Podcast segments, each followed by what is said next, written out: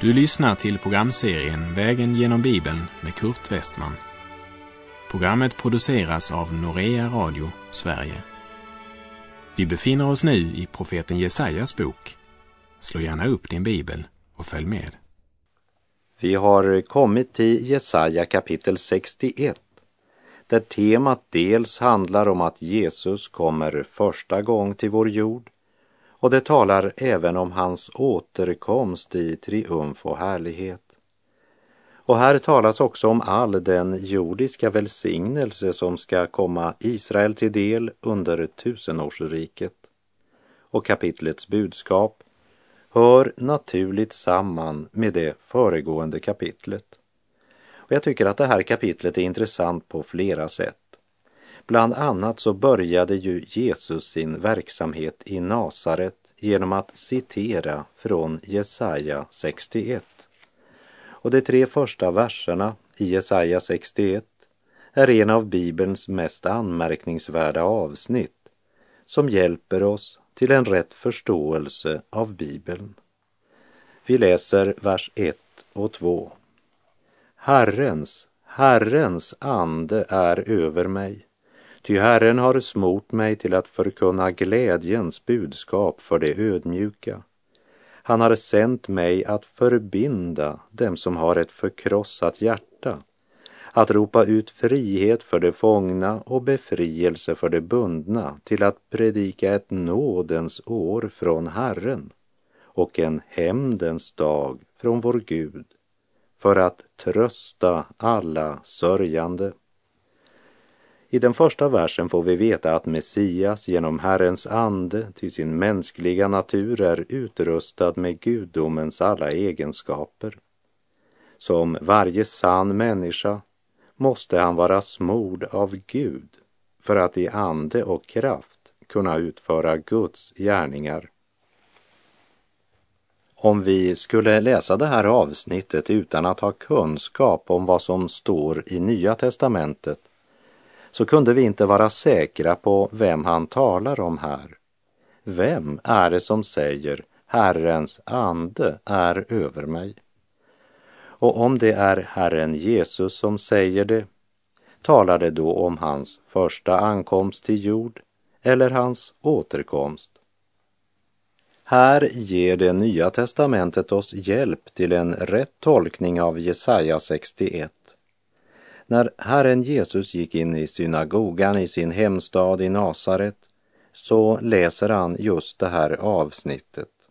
Jag citerar Lukas 4, verserna 16 till och med 20. Så kom han till Nasaret där han hade vuxit upp. På sabbaten gick han till synagogan som han brukade. Han reste sig för att läsa ur skriften och man räckte honom profeten Jesajas bokrulle. När han öppnade den fann han det ställe där det står skrivet Herrens ande är över mig, ty han har smort mig till att predika glädjens budskap för de fattiga. Han har sänt mig för att ropa ut frihet för de fångna och syn för de blinda, för att ge de betryckta frihet och predika ett nådens år från Herren. Om du nu mycket noggrant ser på texten i Jesaja 61 igen så lägger du märke till att Jesus faktiskt avbryter sin läsning mitt i en sättning. Varför stannar han just där efter orden predika ett nådens år från Herren? Varför läste han inte och en hämndens dag från vår Gud för att trösta alla sörjande och så vidare. Lägg märke till att det i Lukas 20.21 står Sedan rullade han ihop bokrullen, räckte den till tjänaren och satte sig. Alla i synagogan hade sina ögon fästa på honom. Då började han tala till dem Idag har detta skriftställe gått i uppfyllelse inför er som lyssnar. Vad Jesus säger är att profetian i Jesaja 61.1 och första delen av vers 2 blev uppfyllda när Jesus första gången kom till vår jord. Men Jesaja har inte skilt på Kristi första ankomst till jord och hans återkomst. Men Jesus drar en klar skiljelinje mitt i vers 2. Och om vi inte ska tro Jesu egen tolkning av Jesaja 61, vem ska vi då tro? I Jesaja profetia är det ett litet och som skiljer mellan Jesu första ankomst och hans återkomst. Så detta lilla och är mer än 2000 år långt. Gamla testamentets profeter profeterade om Jesu första och andra ankomst. De såg dessa två händelser men visste inte hur lång tid det var däremellan. Aposteln Petrus stadfäster det när han säger det var denna frälsning som profeterna sökte och forskade efter. Det som profeterade om den nåd som ni skulle få.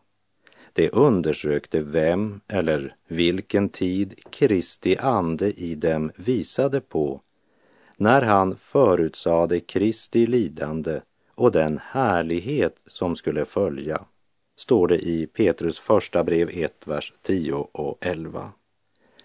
Petrus säger att profeterna talade både om Kristi lidande och om Kristi härlighet, det vill säga både om hans förnedring och korsdöd och om hans återkomst i ära, makt och härlighet. Och vi möter detta både i första och andra delen av Jesaja bok. Låt mig eh, använda en enkel illustration. Du färdas i ett öppet landskap där du står på avstånd och ser ett högt berg i bakgrunden. Och bakom det berget ser du ännu ett högre berg. Båda ligger långt borta och det ser nästan ut som om de stod tätt efter varandra. Men om du hade stått mitt emellan bergen hade du sett att det var över 30 kilometer mellan dem. På samma sätt kan vi säga att profeten stod i en dal och skådade in i framtiden. Han såg Kristi första ankomst och Kristi återkomst. Kanske var Jesaja lite förvirrad för i samma andetag kunde han säga att Gud skulle förbinda de förkrossades hjärtan och samtidigt förkunnar han Guds dom, hämndens dag från Gud. Hur kan båda delarna vara sant? Ja, hade profeten stått där du och jag står idag mellan Kristi första ankomst och hans återkomst så hade han förstått mera av det. För vi kan se tillbaka på Kristi gärning på korset där han uppfyllde Lukas 4, vers 18 till 21 och dog för våra synder på korset som vår förlossare, som vi såg i Jesaja 53. Men någonstans bakom det berget står det andra berget, Kristi återkomst, en hämndens dag från vår Gud. Då kommer Kristus för att upprätta Kristi herradöme på jord. Och vi lägger märke till att hämndens dag från vår Gud blir en tröstens dag för alla sörjande. Det vill säga för alla dem som sörjde över sin egen synd så att de överlämnade den åt Jesus. Jag skulle ej sörja, jag har ju en vän som bär på sitt hjärta min nöd. Den vännen är Jesus, han älskar mig än. Han älskar i liv och i död.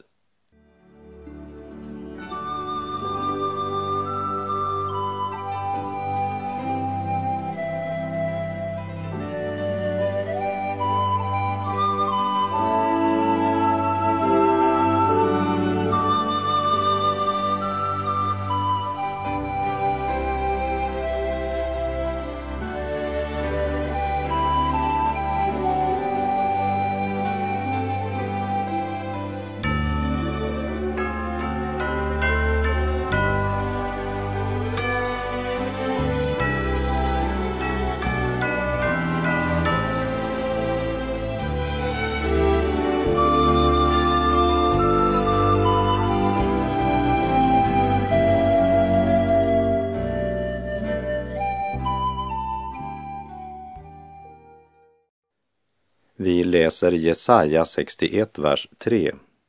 För att låta det sörjande i Sion få huvudprydnad istället för aska, glädjens olja istället för sorg, lovprisningens klädnad istället för en modfälld ande. Och det ska kallas rättfärdighetens terebinter, planterade av Herren till hans förhärligande.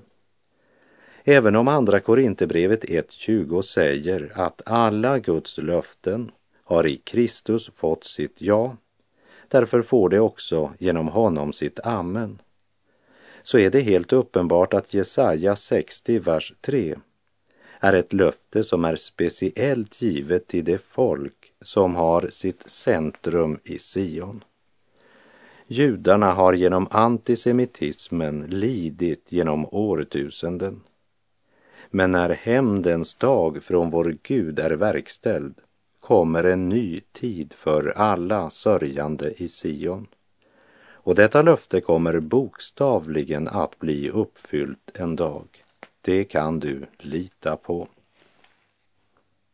Vi läser Jesaja 61, vers 4.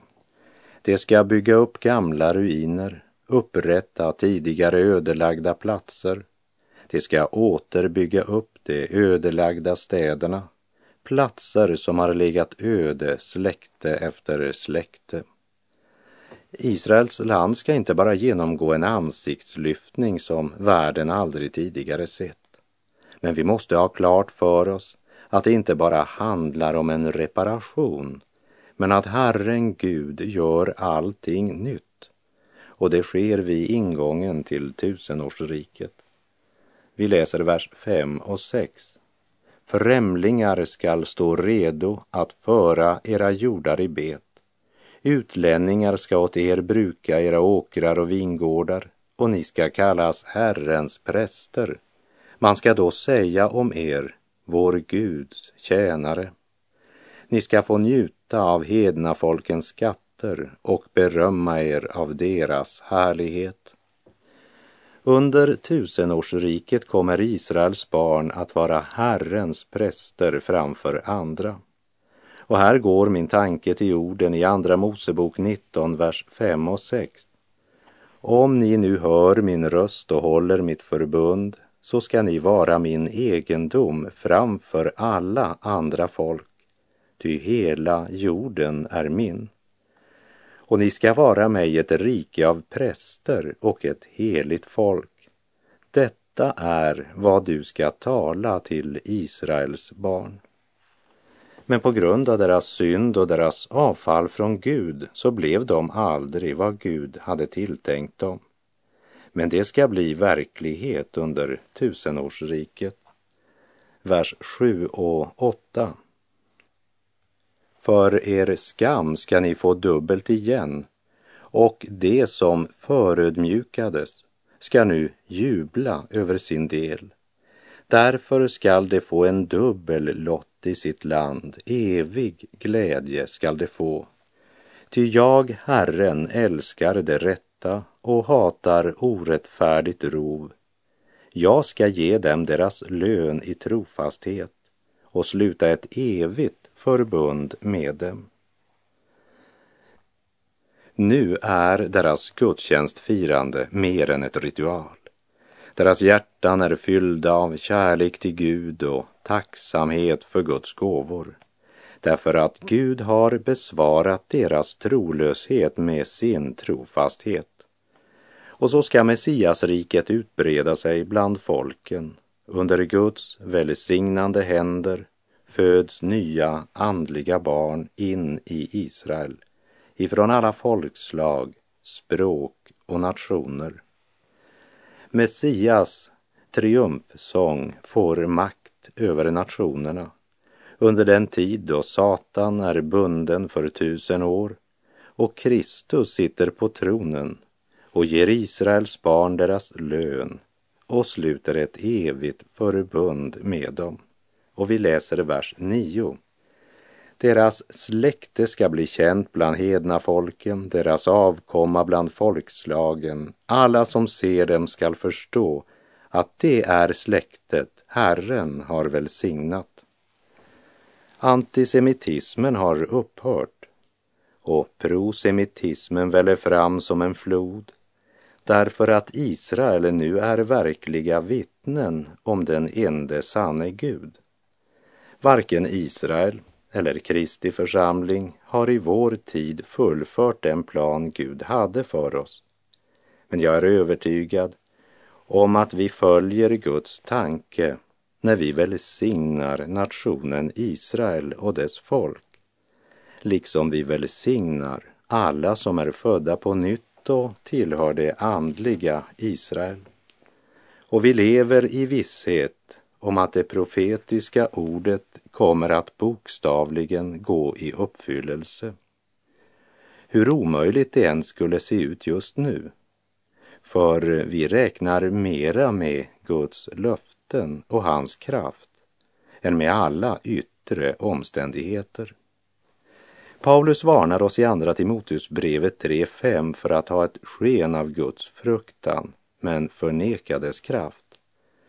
Låt oss räkna med Guds löfte och bekänna oss till Guds suveräna kraft. Vi läser Jesaja 61, vers 10 och 11. Jag gläder mig storligen i Herren. Min själ fröjdar sig i min Gud. Ty han har klätt mig i frälsningens klädnad och svept in mig i rättfärdighetens mantel lik en brudgum med högtidsbindeln på sitt huvud, lik en brud som pryder sig med sina smycken. Ty liksom jorden låter sina växter spira fram och en trädgård sin sådd växa upp, så ska Herren låta rättfärdighet och lovsång växa upp inför alla hedna folk. Välsignelse och härligheten är inte bara något yttre, men en ström med levande vatten i deras inre. Samma ande som vilar över Messias strömmar från det verk som han fullbordade, då han försonade all vår synd, besegrade döden, uppstod och proklamerade sin seger på påskmorgonen. Därför gläder också jag mig storligen i Herren och min själ fröjdar sig i Gud. För han har klätt mig i Kristi rättfärdighetsdräkt. Brudgummen är Kristus, bruden är församlingen och den stora bröllopsfesten närmar sig med hast.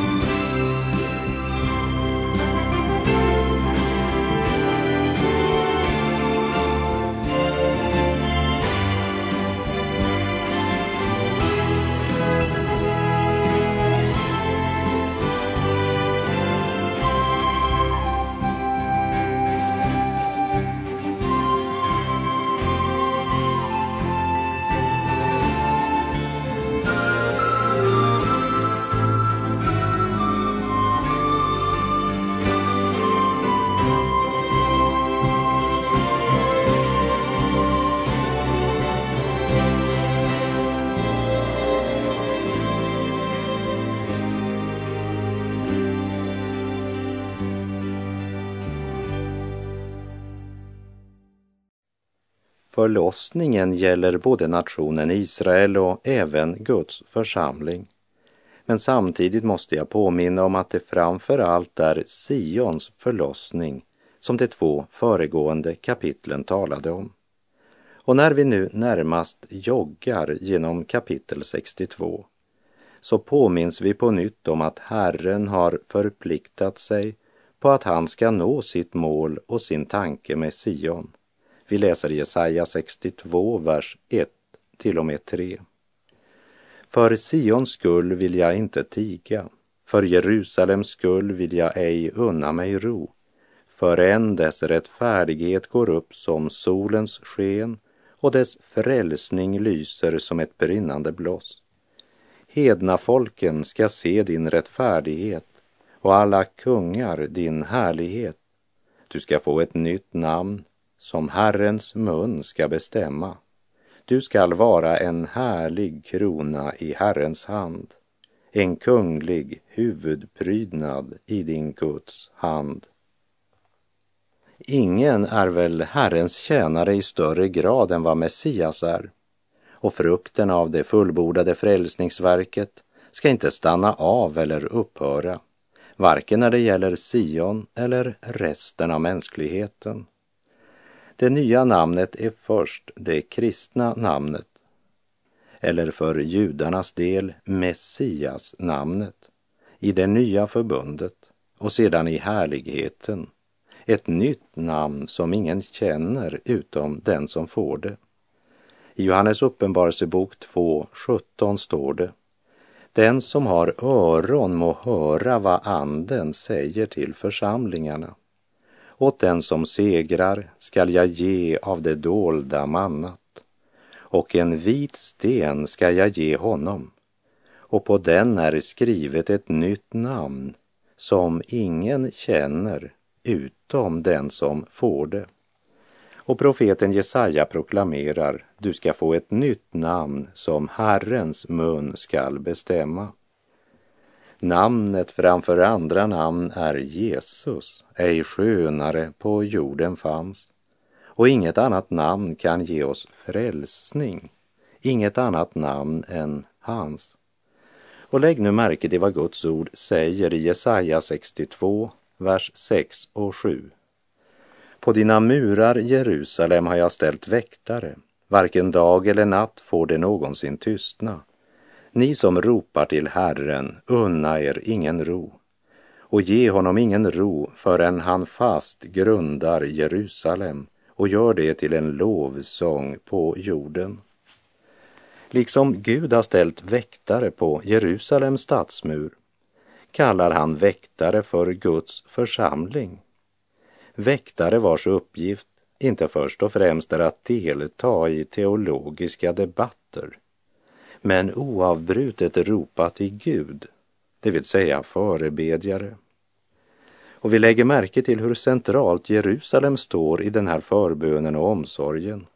Ni som ropar till Herren, unna er ingen ro och ge honom ingen ro förrän han fast grundar Jerusalem och gör det till en lovsång på jorden. Varje på nyttfödd själ bör ha med Jerusalem i sina böner. Herren räknar med det när det gäller Kristi församling. Liksom var uppväckt människa är kallad att ropa ut och varna mänskligheten för synden och orättfärdigheten och för den Guds dom som väntar den syndare som inte vill vända om. Kära broder och syster, unna dig ingen ro. Be för Guds församling och be för Israel och Jerusalem. Ge inte Gud någon ro förrän han fast grundar Jerusalem och gör det till en lovsång på jorden. Du som bekänner dig tillhöra Kristus, hur centralt står Israel och Jerusalem i dina böner? Det kan vara värt att eh, reflektera över. För det som står centralt i Guds ord borde också stå centralt i våra liv. Borde det inte det? I den 121 saltarsalmen, vers 8, proklamerar salmisten följande. Herren skall bevara din utgång och din ingång från nu och till evig tid. Utgång talar om utgång från Egyptens träldom. Utgång talar om att gå ut från Babel. Och ingång talar om att gå in och inta landet Gud med ed lovat Abraham det vill säga löfteslandet. Därför talar alltid utgången om två saker. Man går inte bara ut för att komma bort från något. Man går ut för att gå in i det som Gud har i beredskap. Och det gäller även ordet i Jesaja 62.10. Drag ut, drag ut genom portarna, bered väg för folket, bana, ja, bana en väg och röj bort stenarna, res upp ett baner för folken.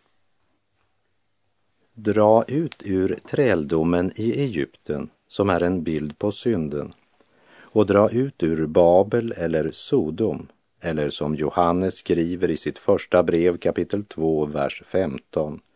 Älska inte världen, inte heller det som är i världen. Om någon älskar världen finns inte Faderns kärlek i honom. Röj bort stenarna, det vill säga röj bort det som vill hindra andra. Res upp ett baner, gör korset känt. Vi läser Jesaja 62, vers 11 och 12. Se, Herren förkunnar till jordens ände. Säg till dottern Sion, se din frälsning kommer. Se, han har med sig sin lön, hans segerbyte går framför honom.